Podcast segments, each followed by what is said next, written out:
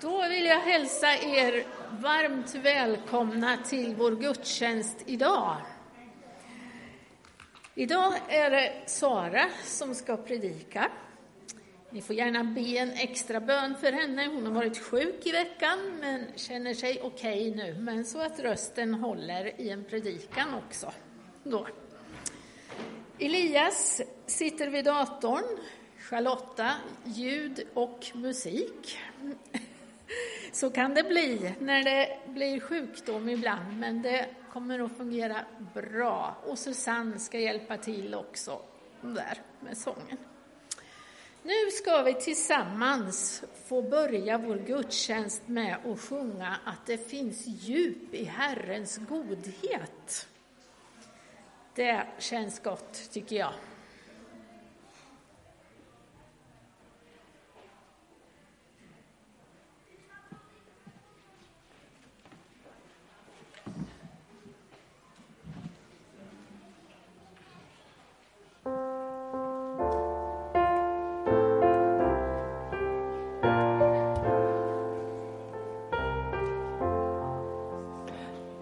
means you.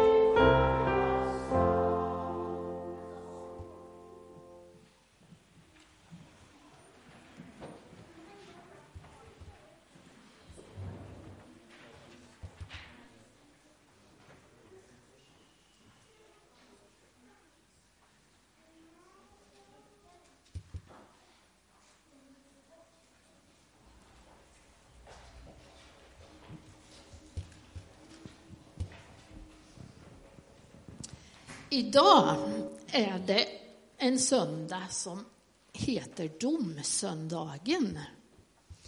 Och vad är då domsöndagen? Ja, det är ju söndagen innan det är dags för advent. Och Kristi återkomst är också ett tema idag.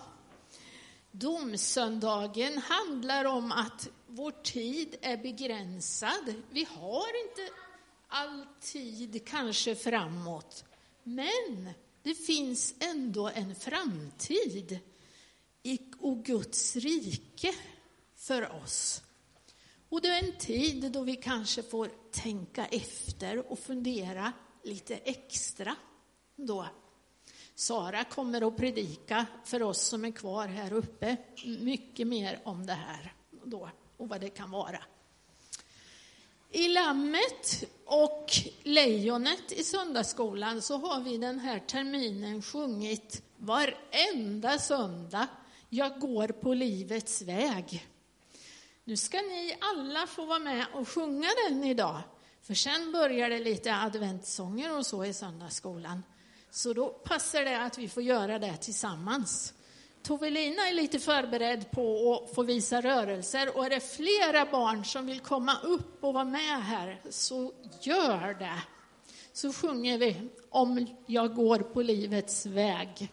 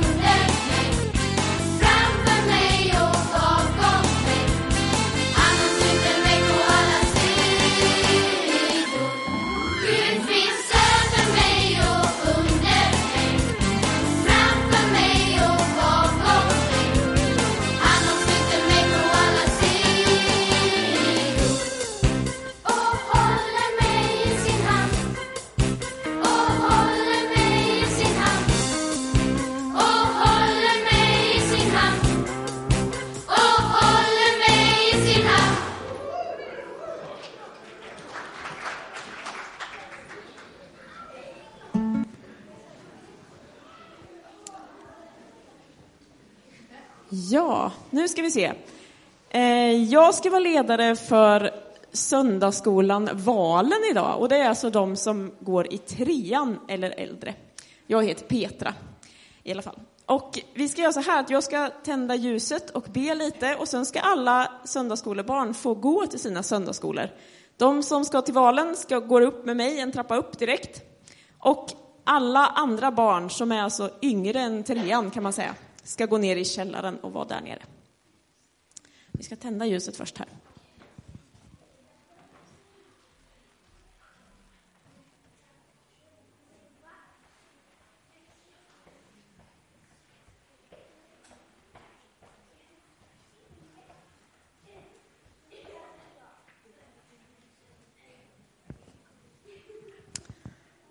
Sådär. Tack Gud för att vi får samlas allihopa här idag. Och tack för att du är med oss idag, både alla stora och alla som är lite små. Eh, jag ber att du ska vara med alla stora på sin gudstjänst här uppe i kyrksalen. Och jag ber att du ska vara med alla barn som ska gå till söndagsskolan nu. Var med oss och berör oss och gör så att vi lär oss mer om dig och förstår mer vad du vill att vi ska göra. Amen.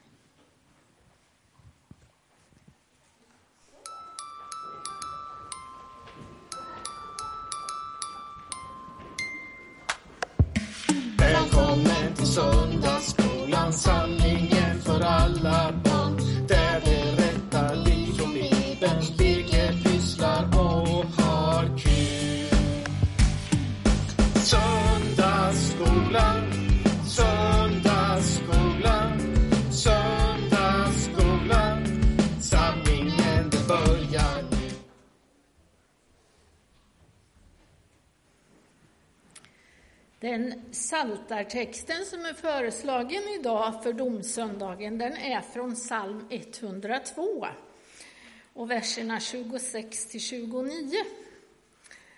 En gång lade du jordens grund och himlen är ett verk av din hand. De ska förgås, men du består. De är plagg som slits ut. Du byter ut dem som kläder och de är borta. Men du är densamme. Dina år har inget slut. Dina tjänares barn ska bo här och deras barn leva trygga hos dig.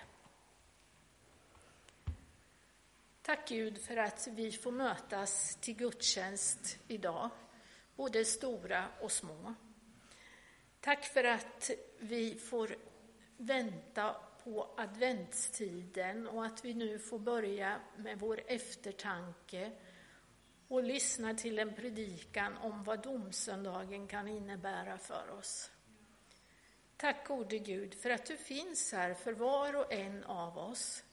Du vet vad vi var och en bär med oss när vi kom hit idag. Tack gode Gud för att i en stor värld så bryr du dig om en liten människa. Ska vi strax få lyssna till Sara som predikar. Men vi ska tillsammans sjunga De ska gå till den heliga staden. Och det blir också kollekt. Det kommer swishnummer här och sen kommer mötesvärdarna och stå när vi går ut från gudstjänsten som vanligt om man vill ge kontanter då. Jag vill också be för det som kommer att samlas in och att det får bli till välsignelse.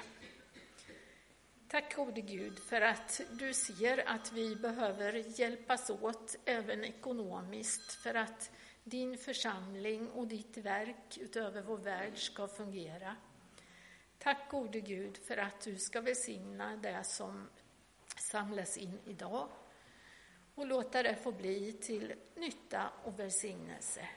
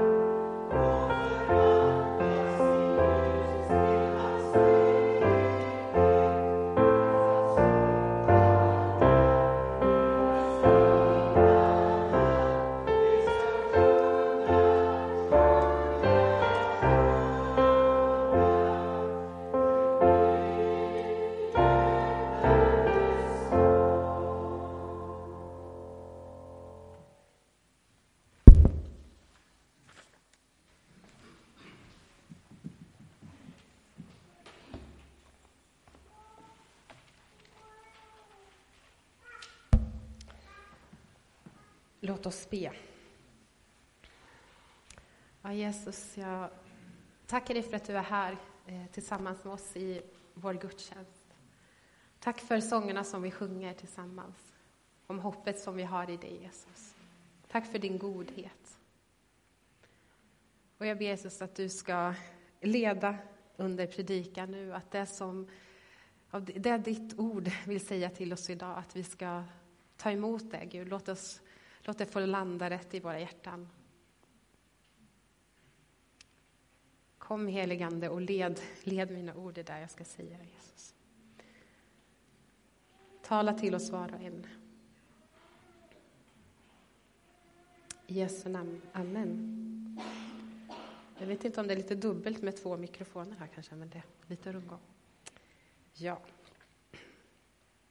Jag vet inte hur mycket du brukar titta på nyheterna eller följa med i nyhetsflödet sådär. Själv så kan jag tycka ibland att det blir det är så mycket eh, på nyheterna och det kan bli så mycket av, ja, men av allt ont som händer i världen och att ibland orkar jag liksom inte riktigt ta till mig allting och läsa allting. Och det kanske bara för mig det blir så, men kanske det är någon mer som känner ibland att, det är så mycket ont som händer i världen. Och när man läser om, om krig, och om, om lidande, om orättvisor, om våld, om skjutningar och ondskan som, som finns i världen så kan man känna sig lite trött och matt ibland. Och kanske att man till och med kan ställa sig frågan, men vad, var är Gud mitt i allt det här? Har han glömt bort oss? Hur kan han, en god Gud låta allt det här hända som vi ser runt omkring oss? Och ibland kan man känna sig frustrerad nästan, men Gud, agera mer. Vi skulle önska att vi skulle se mer av det, av det goda ske. Och idag är det domsöndagen, som är den sista söndagen i kyrkåret innan vi går in i första advent nästa söndag. Och temat idag är också det sista, slutet på på världshistorien. Hur ska det gå med allting? Och många kanske kan uppleva en, en oro för framtiden. Hur ska det gå med allting? Vi vet, kanske känner att men vi vet inte hur ska det här sluta i världen. Ibland kan man verkligen känna att det känns som att världen är på väg mot sin undergång på något sätt. Med alla krig och all miljöförstörelse och hur när skapelsen verkligen bokstavligen står i brand. Och kanske att vi ibland kan känna oss lite hopplösa eller känna oss förtvivlade över det vi ser. Och också undra, men hur, hur ska det sluta? Hur ska det gå? Och då är det viktigt för oss att vi, att vi har den här boken, vi har Bibeln, vi har Guds ord som berättar för oss en, den stora berättelsen om världen, som ger oss en, en större berättelse att sätta in våra liv och vår, vår värld i ett ett eh, meganarrativ, eller en ramhistoria som förklarar för oss vår tillvaro som vi lever i idag. Som också visar på, på slutet på berättelsen. Och det är viktigt för oss att, att påminna oss om den berättelsen och sätta in våra liv in i den stora berättelsen. Och vi pratar kanske inte alltid så mycket om domen i våra kyrkor idag. Det kanske var annorlunda när en del av er var, var yngre, jag vet inte. Men det är inte något som vi kanske pratar om så mycket kanske den här söndagen på året som vi tar upp det. Men jag tänker att det, det, är viktigt för oss att också ha med den delen i berättelsen. Så idag så ska vi titta på några texter som talar om ja, men vad händer i slutet på historien och vad, vad är det här med domen för någonting? Och temat är också om Kristi återkomst, eller Jesu återkomst, att han ska komma tillbaka till oss. Det är också någonting som vi tror på, men som vi kanske inte alltid pratar så mycket om. Och vi ska läsa några bibeltexter från evangelierna, Jesu ord. Om domen och om att Jesus kommer tillbaka och vad ska hända då. Men innan det så tänker jag ändå att, att vi, om vi pratar om domen eh, så behöver vi också liksom adressera, eller kanske också prata om att många sådana texter har också använts på ett kanske lite dåligt sätt i vår historia. Att det kan ha använts för att förtrycka människor eller skrämma människor och det har kanske gett en dålig eftersmak hos, hos människor. Och man, en, man kan känna kanske rädsla eller obehag inför de texterna. Och det är inte det jag vill förmedla i predikan idag. Jag tror att när Jesus talar om, om domen om tidens slut så är det inte för att skrämma upp människor utan för att det är också utifrån den här världen som vi lever i som har så mycket lidande och som det finns så mycket ondska och som längtar efter att få upprättelse och få att de förtryckta ska få frihet. Och I Romarbrevet så skriver Paulus om det där, hur, hur liksom hela skapelsen väntar. Eh, I Romarbrevet 8.21 så står det att, att också skapelsen ska befrias ur sitt slaveri under förgängelsen och nå den frihet som Guds barn får när de förhärligas. Att det är någonting som i vår värld och skapelse längtar efter att, att få upprättelse, att det ska få bli, allting ska få bli ställt till rätta. För när vi ser på världen idag så, så är det inte riktigt så som det är tänkt att vara helt och fullt. Och vi ska läsa eh, två bibeltexter från evangelierna. Den första är från Matteus evangeliet kapitel 13. Och den här texten är inte helt enkel, ska jag säga själv, när jag har läst den. Eh, så var, var, var beredd på det. Men det är en, en liknelse om vad som händer vid tidens slut. Eh, och här har Jesus pratat flera olika liknelser om himmelriket eller om Guds rike. Eh, och så, så kommer den här liknelsen på slutet. Vi läser från vers 47 till 52. Himmelriket är också som ett nät som kastas i sjön och fångar fisk av alla de slag. När det blir fullt drar man upp det på stranden och sätter sig och samlar de goda fiskarna i kärl, men de dåliga kastar man bort. Så ska det bli vid tidens slut. Änglarna ska gå ut och skilja det onda från det rättfärdiga och kasta dem i den brinnande ugnen. Där ska man gråta och gnissla tänder. Har ni förstått allt detta? De svarade honom ja. Då sa han till dem, därför är varje skriftlärd som har blivit en himmelrikets lärjunge som en husbonde som ur sitt förråd hämtar både nytt och gammalt. Som sagt så har Jesus berättat flera olika liknelser här om, om eh, himmelriket, om Guds rike. Hur, eh, och vi kommer att prata mer om Guds rike i vår, i våra predikningar. Men, och han eh, liknar Guds rike vid att det är som en skatt i en åker som man vill liksom ge upp allting för att få, eller som en dyrbar pärla. Och här så använder Jesus en bild som lärjungarna som han pratar till här känner igen, om att fiska, de var fiskare, många av dem. Ett fiskenät där det finns fisk av alla de slag som samlas in i det här nätet. Eh, och det finns en, en rikedom i Guds rike, det, allting kommer med här.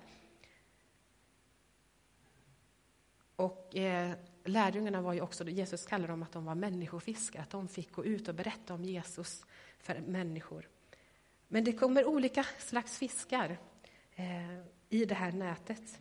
Som en bild av att men en del kommer ta emot budskapet och en del kommer inte göra det. Och det står att det både det onda och det goda finns där. Eh, och en del kommer inte att ta emot eh, budskapet.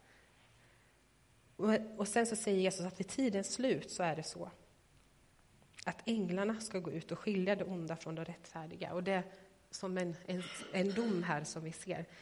Men en viktig del att se här är att det inte är lärjungarna som ska döma, utan det, här är det änglarna som gör det. Och att på något sätt att det onda och det goda i världen får finnas tillsammans ända tills tidens slut. Det tror jag är en poäng som Jesus tar, visar i den här liknelsen. Att, och det ser vi i världen, vi ser mycket ont och vi ser mycket gott och det finns liksom, det är som en enda salig blandning. Och det, det kommer vara så, det finns, det får samexistera till tidens slut. Då, ska, då kommer domen och då ska, ska det separeras. Och sen är det de här svåra orden ändå, som i alla fall jag tycker är svåra. Att det talas om den brinnande ugnen och där man ska gråta och gnissla tänder. Och det är ju inte så lättsmälta ord, kanske om vi är helt ärliga. Men på något sätt så visar det ändå en bilden av att, att en, en, eh, i framtiden, om man väljer bort Gud, att det finns, då finns det en, en negativa bilder av att eh, att det inte är där man vill vara. Och bilden av brinnande, det, eh, en del bibelforskare tänker att ja, det är någonting som brinner det brinner upp, att det kanske är att man förintas, att man inte finns mera. Men på något sätt så visar det ändå att det finns två, två vägar. Och att i Bibeln står också att Gud, Guds vilja att alla ska få komma till tro på honom, att alla ska få vara tillsammans med honom i evighet. Men Gud är också, han är en god Gud och han tvingar sig inte på någon, utan han låter varje människa själv få välja. Att om, om vi vill vara med Gud, då får vi vara tillsammans med honom i all evighet. Men om vi inte vill ha med Gud att göra, om vi väljer bort honom, så tvingar han sig inte heller på oss, utan då låter han oss få som vi vill.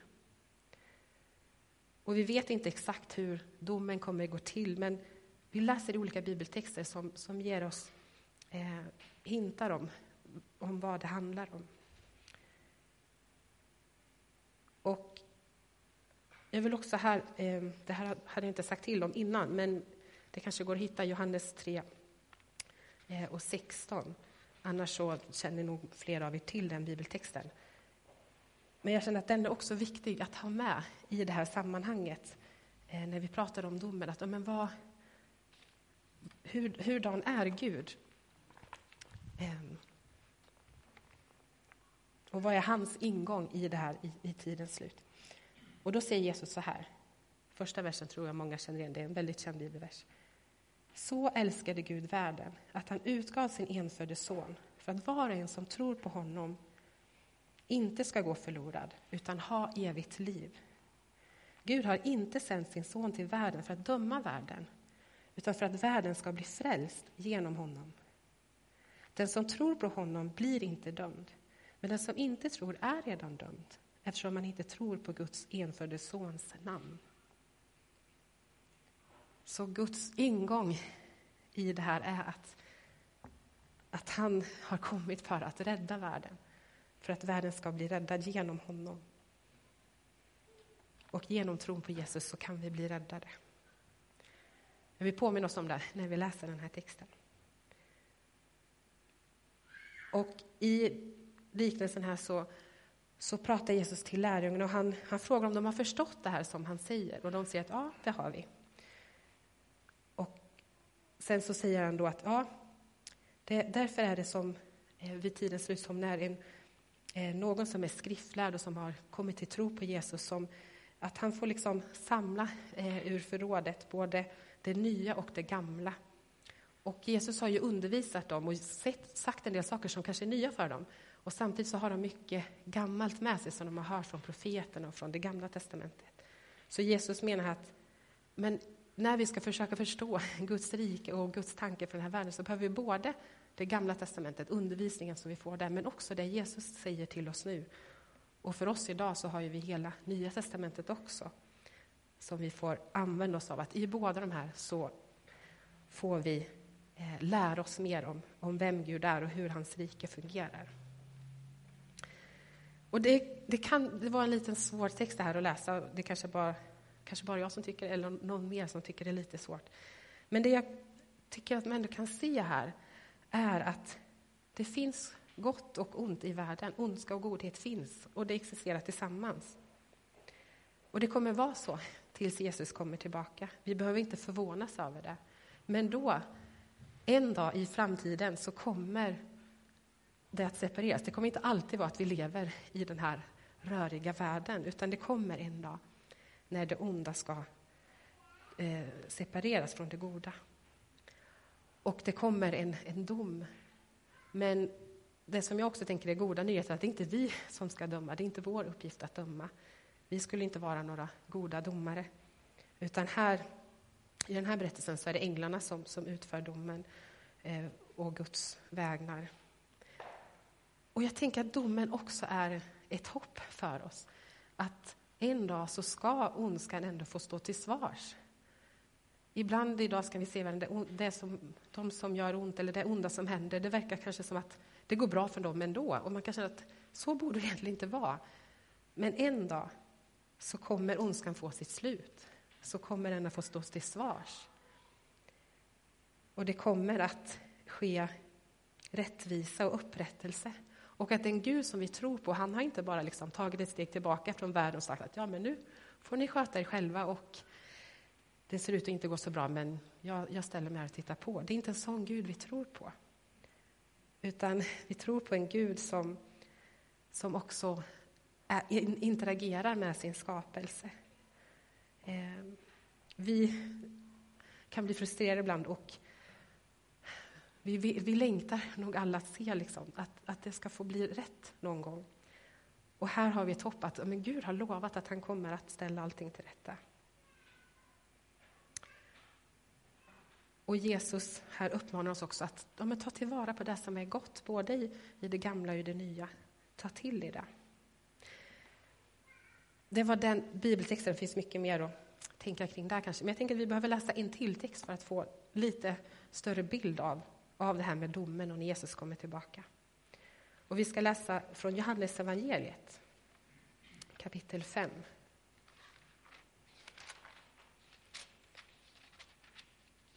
Där Jesus talar dels om sin relation till, till Gud, Fadern, men också på, på det här temat. Och vi läser från vers eh, 22. Då säger Jesus så här. Och Fadern dömer ingen, utan han har överlämnat hela domen till Sonen för att all, alla ska ära Sonen så som de ärar Fadern. Den som inte ärar Sonen ärar inte heller Fadern som har sänt honom. Jag säger er sanningen. Den som hör mitt ord och tror på honom som har sänt mig, han har evigt liv. Han drabbas inte av domen, utan har gått över från döden till livet. Jag säger er sanningen. Det kommer en tid, och den är redan här, där de döda ska höra Guds sons röst och de som hör den ska få liv.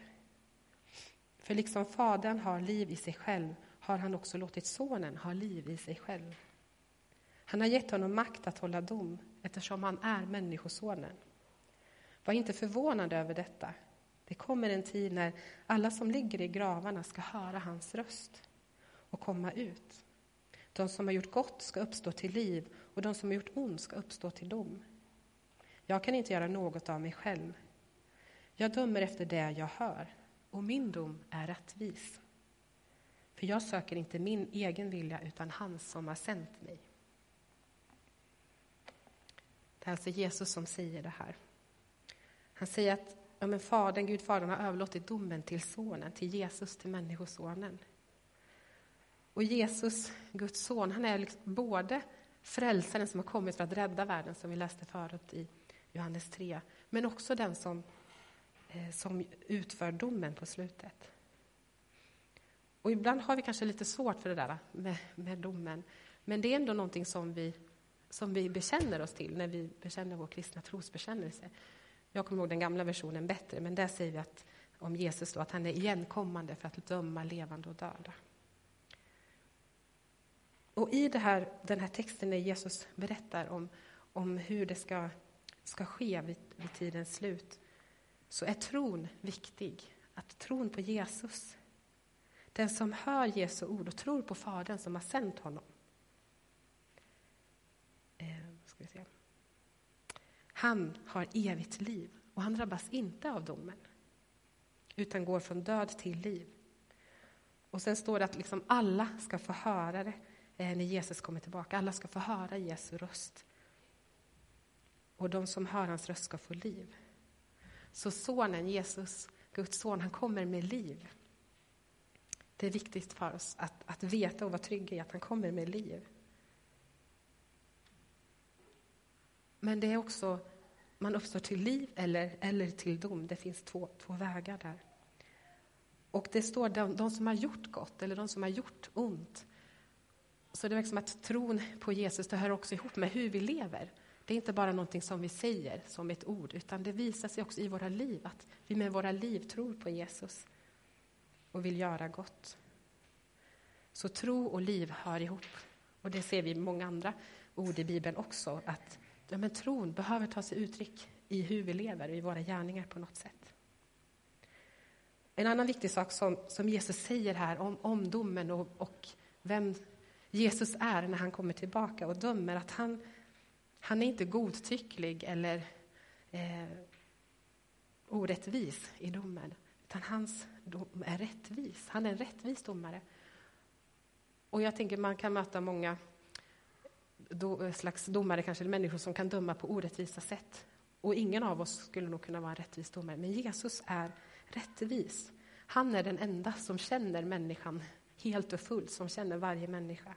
Han är den enda som, som kan göra en rättvis dom. Det är bara Gud själv som, som känner människan på djupet. Så vad, vad, står det alltså här i den här texten? Ja, men det jag kan se att det, det kommer en, en dom i framtiden. Och det, det är för, för alla människor. Alla kommer att höra Jesus när han kommer tillbaka.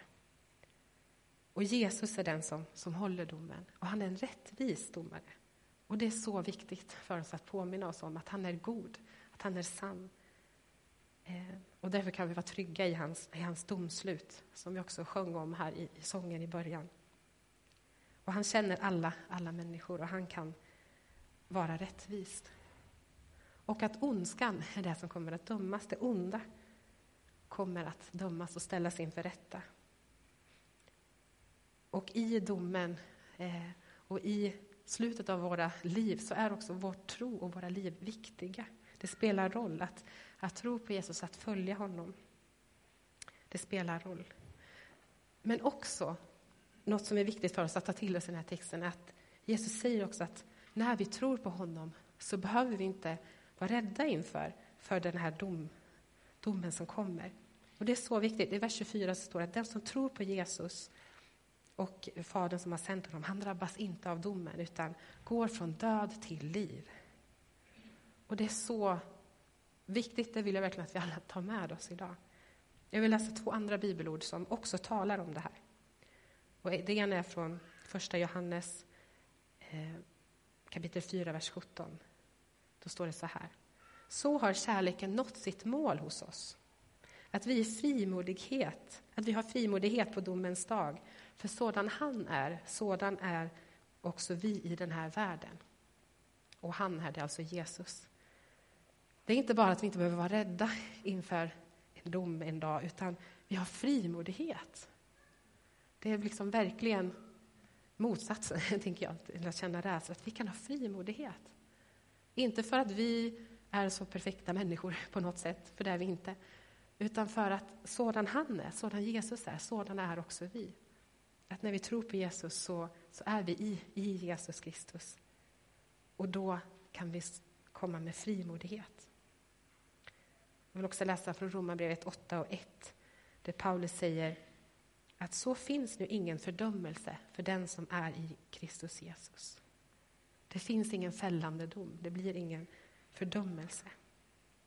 Så vi behöver inte känna rädsla Eh, när vi pratar om tidens slut eller att Jesus kommer tillbaka eller att det, det kommer en dom, utan tvärtom så kan vi vara frimodiga. Och inte på grund av oss själva, utan på grund av vem Jesus är, att han är god. Att han kommer för att ställa allting till rätta. Och att i honom så, så har vi blivit frikända inför domens dag. Och jag tänker att vi vet alla, om vi ser på våra egna liv, att ja, men mitt liv är inte perfekt. Det finns både gott och ont i mitt liv och i mitt hjärta. Det är blandat där också, även om jag vill eh, följa Jesus och göra det som är gott. Så i oss själva har vi inte så mycket kanske att komma med och berömma oss av. Men svaret, den goda nyheten, är att Jesus Kristus, han, på, när han dog på korset, på Golgata kors, så tog han domen på sig. Han tog all synd, all vår synd på sig. Och han blev fördömd för våra synders skull, så att vi kan bli frikända tillsammans med honom på domens dag. Och utifrån den, den friheten som han ger oss så vill vi leva tillsammans med honom, så vill vi följa honom, så vill vi leva ett liv som, som liknar honom eh, och som visar hans kärlek och det goda i den här världen. Och vi behöver inte våndas eller känna rädsla eller oro för framtiden. Och när vi ser all ondska som händer i världen så behöver vi inte heller bli förvånade egentligen. För Bibeln talar också om det, att det finns ondska, ondskan kommer tillta också. Men en dag så kommer den få ett slut. En dag så kommer den dömas. En dag så kommer Jesus segra. Eller egentligen så har han redan segrat. Han vinner segern på korset och när han uppstår från de döda så har Jesus vunnit seger över ondskan. Det har redan skett, men vi väntar på när vi ska få se det uppfyllas i sin helhet, i sin fullhet. Vi vet redan slutet, att det goda har segrat. Och därför kan vi leva i en trygghet inför framtiden. Och att tro på Jesus, att tillhöra honom, är att tro på att tillhöra en Gud som, som inte liksom står på sidan av och tittar på när världen går mot sitt undergång, utan han, han interagerar med den här världen. Vi tror på en Gud som, som fortsätter att verka i den här världen, som fortsätter att tala sin sanning och sitt hopp och som fortsätter att förvandla människor och förvandla eh, samhällen. Och som en dag ska ställa allting till rätta och döma levande och döda. Gud är inte frånvarande. Han är närvarande i, i sin skapelse och i oss människor. Och en dag kommer Jesus Kristus själv att komma tillbaka. Och Bibeln talar om att alla ska se, alla ska höra och se att det är han som är Gud. Och jag vill läsa ett bibelord från Filipperbrevet 2.9 som uttrycker det här så, så vackert. Därför har Gud också upphöjt honom, alltså Jesus, över allting och gett honom namnet över alla namn. För att i Jesu namn alla knän ska böjas, i himlen och på jorden och under jorden. Och alla tungor bekänna att Jesus Kristus är Herren, Gud Fadern till ära. Amen. Så till dig som, som känner dig uppgiven, eller till dig som känner dig orolig över allt lidande och ondska som du läser på nyheterna eller ser i världen.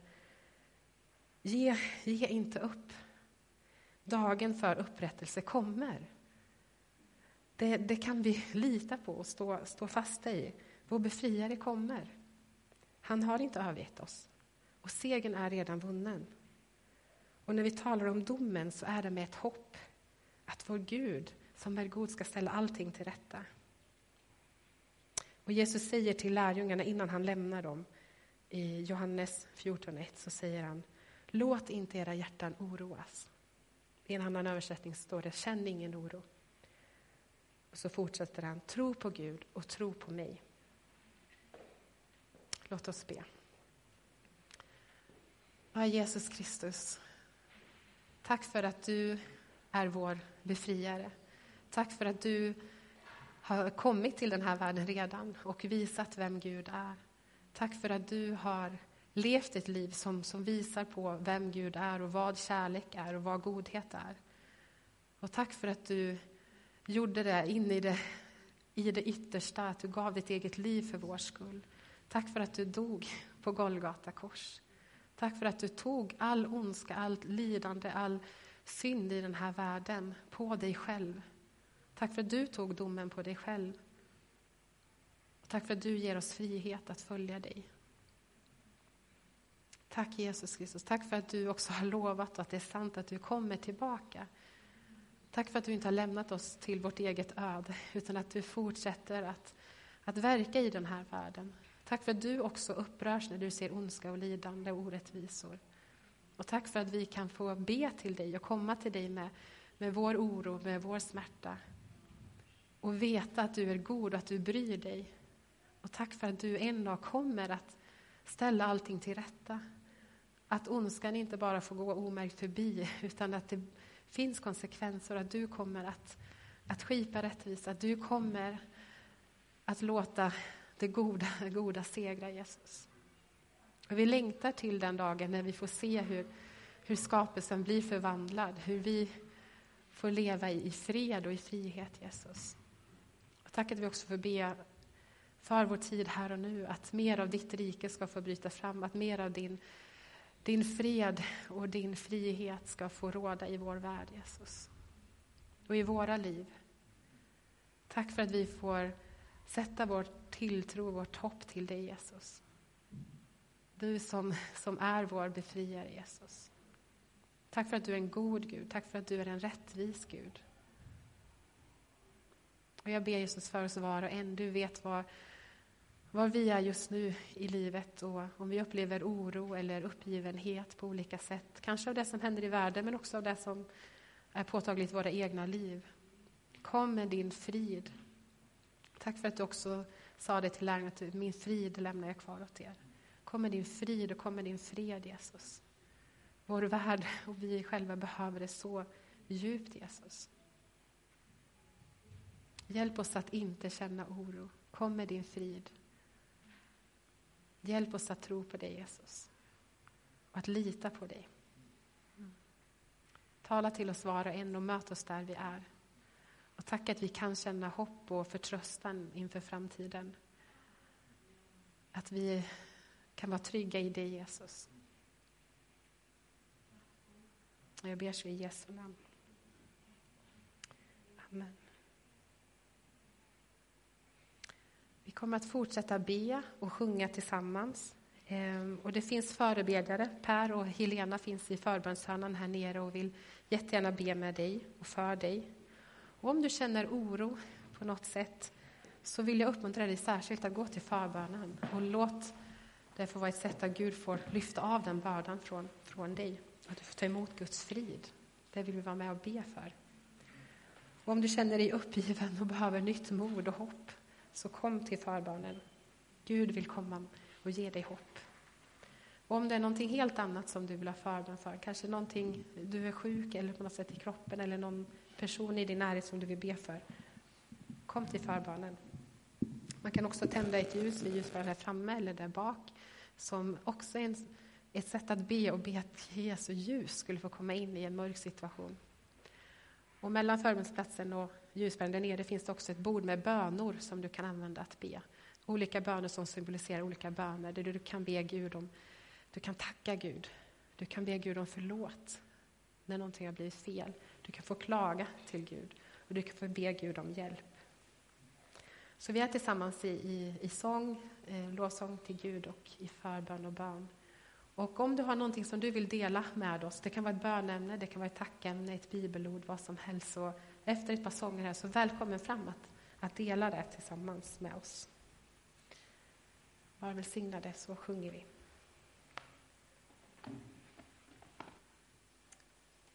Känn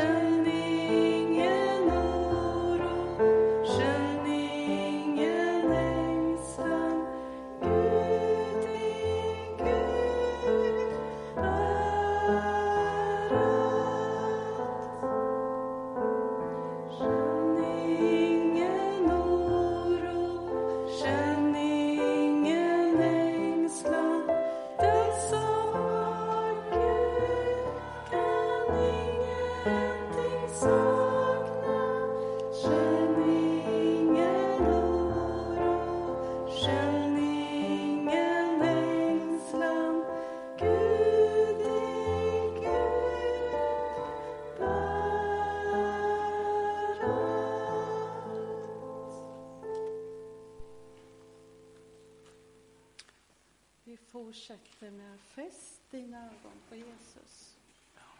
Nu gör vi det. Han som är upphovet till att vi inte behöver känna någon ängslan. Syskon, ingen oro egentligen. Han har oss i sin hand. I en mycket mörk tid så kan vi bara fästa våra ögon på Jesus och be om ledning i allt. Be om kraft igenom det mörka. Och vi kommer fram. Tänk att det bästa är kvar.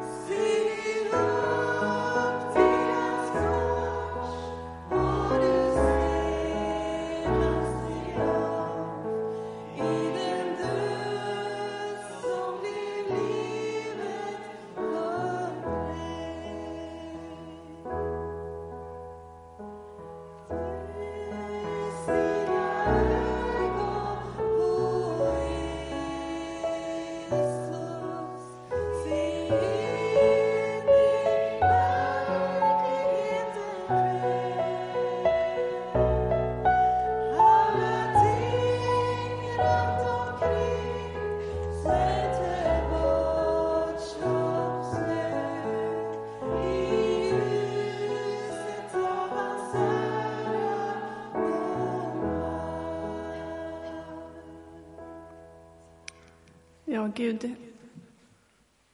När vi läser nyheter om krig och katastrofer och ja, läser om nyheter om människor som till och med utsätter sina egna barn för de mest fruktansvärda grymheter och brott, så känns det som ondskan saknar gräns. Men Gud, tack för alla bibelverser vi fått höra idag. Tack för predikan som Sara delar med oss. Det finns djup i din godhet och dess gränser ingen ser. Det finns värme i ditt domslut. Det finns nåd för nya världar, nya skapelser och tider. Jag ber dig, öppna våra ögon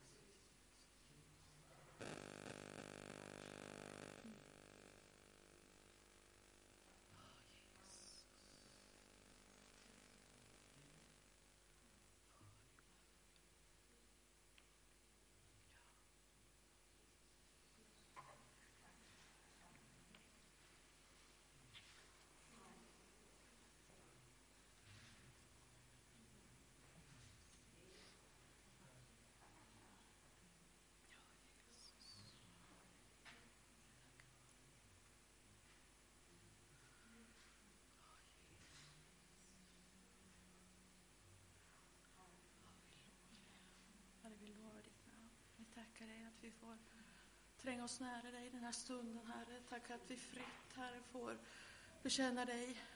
Så länge vi får det så gör vi det och när vi inte får det så gör vi det ändå, Herre. Jesus, du behöver stärka oss. Vi förstår det, Herre. Du behöver styrka oss, din församling, Herre. Vi ber, Herre, om den nåden att du ska bli större och större i våra liv, Herre, var och en av oss, Herre, och tillsammans, Herre. Jesus, vi bara tackar dig att vi får kallas dina barn, Herre, med det, allt vad det innebär. Att vi har barnaskapet hos dig. Jesus, vi tackar dig och vi lovar dig den här stunden, men vi, vi behöver mycket av dig. Vi behöver få verkligen nåd och förstå, Herre, att tiden är knapp, att vi behöver dig mer och mer. Så att vi kan tjäna som, som vi ska, Herre, så vi kan fungera som vi ska, Herre. Ja. Vi tackar dig, att du vill komma med upprättelse, du vill komma med helande, du vill komma med allt det goda som, som du har för oss, Herre. Herre, vi står här nu inför dig, vi är dina, Herre. Tackar dig att vi får komma som vi är.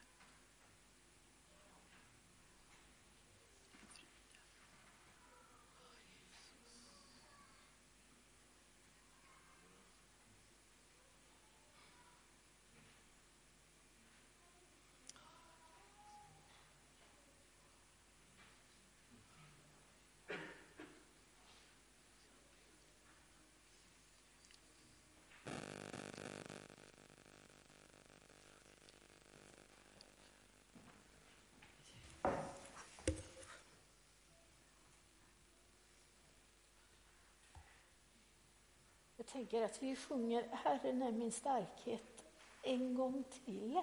Och sen så ska vi avsluta strax.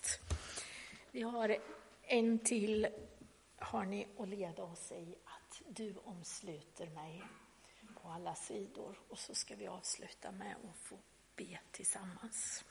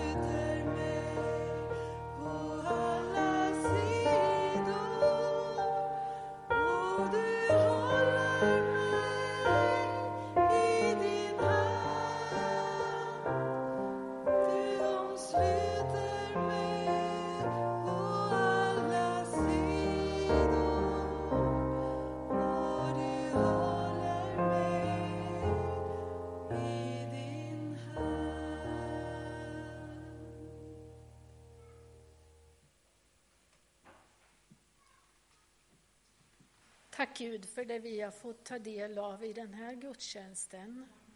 Tack för att du är vår starkhet mitt i en värld som kan oroa på många sätt. Tack för att du omsluter oss med din kärlek. Du ser de ljus som är tända här idag. Tack för att du ser den bön, rop på hjälp eller det tack som finns bakom varje tänt ljus. Tack för att vi får lyfta det gemensamt upp inför dig just den här stunden. Och så får vi be om din välsignelse, Herre. Herre, välsigna oss och bevara oss för allt ont och för oss till det eviga livet. Amen. Alldeles strax ska vi fortsätta gemenskapen vid fikaborden, men sitt kvar en liten stund så kommer det lite pålysningar här. Eh, efter fikat så är det en övning som Charlotta håller i inför nästa söndag när det är första advent. Vill du säga något själv? Nej, men eh, alla är välkomna om man vill vara med och sjunga i en liten kör. Det är två sånger som vi kommer på första första. Det får ni jättegärna stanna kvar. Och sen närmar det sig ju julmarknaden som är den 10 december. Eh, det sitter ju en lista här ute på väggen som jag har blivit ombedd att säga någonting om. Det har fyllt på gott med många som vill vara med och har möjlighet att hjälpa till. Det finns fortfarande eh, möjlighet att få vara med och baka, den som känner att det kan jag göra och bidra med.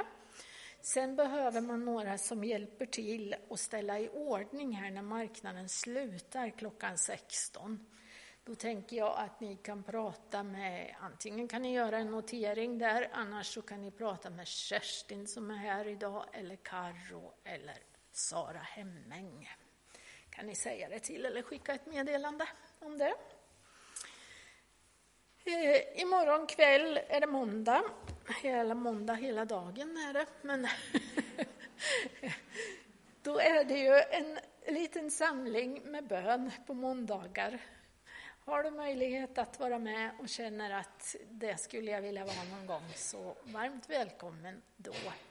Sen får du ta del av övriga samlingar i program och så.